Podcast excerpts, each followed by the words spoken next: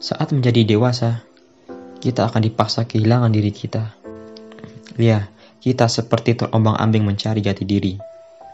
Tergeletak pada ribuan pertanyaan siapa sebenarnya kita. Kita adalah seorang manusia yang beranjak dewasa dan bingung menentukan arah hidup.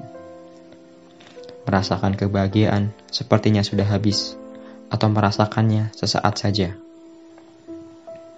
Kalau ingin, kita ingin pulang kepada sewaktu kita kecil dulu.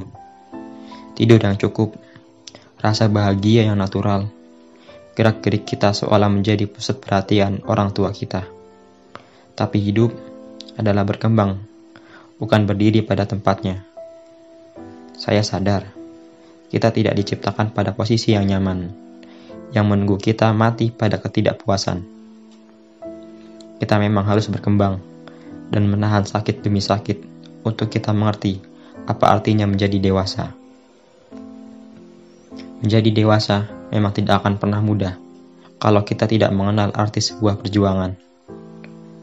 Seharusnya kita berterima kasih kepada hal itu, hal yang tidak pernah kita dapatkan dari mana pun, namun hal yang diberikan langsung oleh Tuhan. Bisa kita bayangkan, seandainya saja kita selalu dimanjakan, maka kita akan terkejut luar biasa saat kita menghadapi hal yang tak pernah kita rasakan. Ada berapa banyak orang yang harus membunuh dirinya sendiri karena tidak mengerti apa yang harus dilakukan saat menghadapi masalah. Karena mereka sudah dimanja sejak kecil, sehingga dirinya menjadi sangat tidak berdaya ketika digoyahkan sedikit saja. Menjadi dewasa adalah sebuah tantangan yang kebanyakan orang merasa suatu masalah. Padahal, adalah langkah awal menjadi manusia versi terbaik menurut dirinya. Menjadi dewasa adalah untuk menaklukkan, bukan ditaklukkan.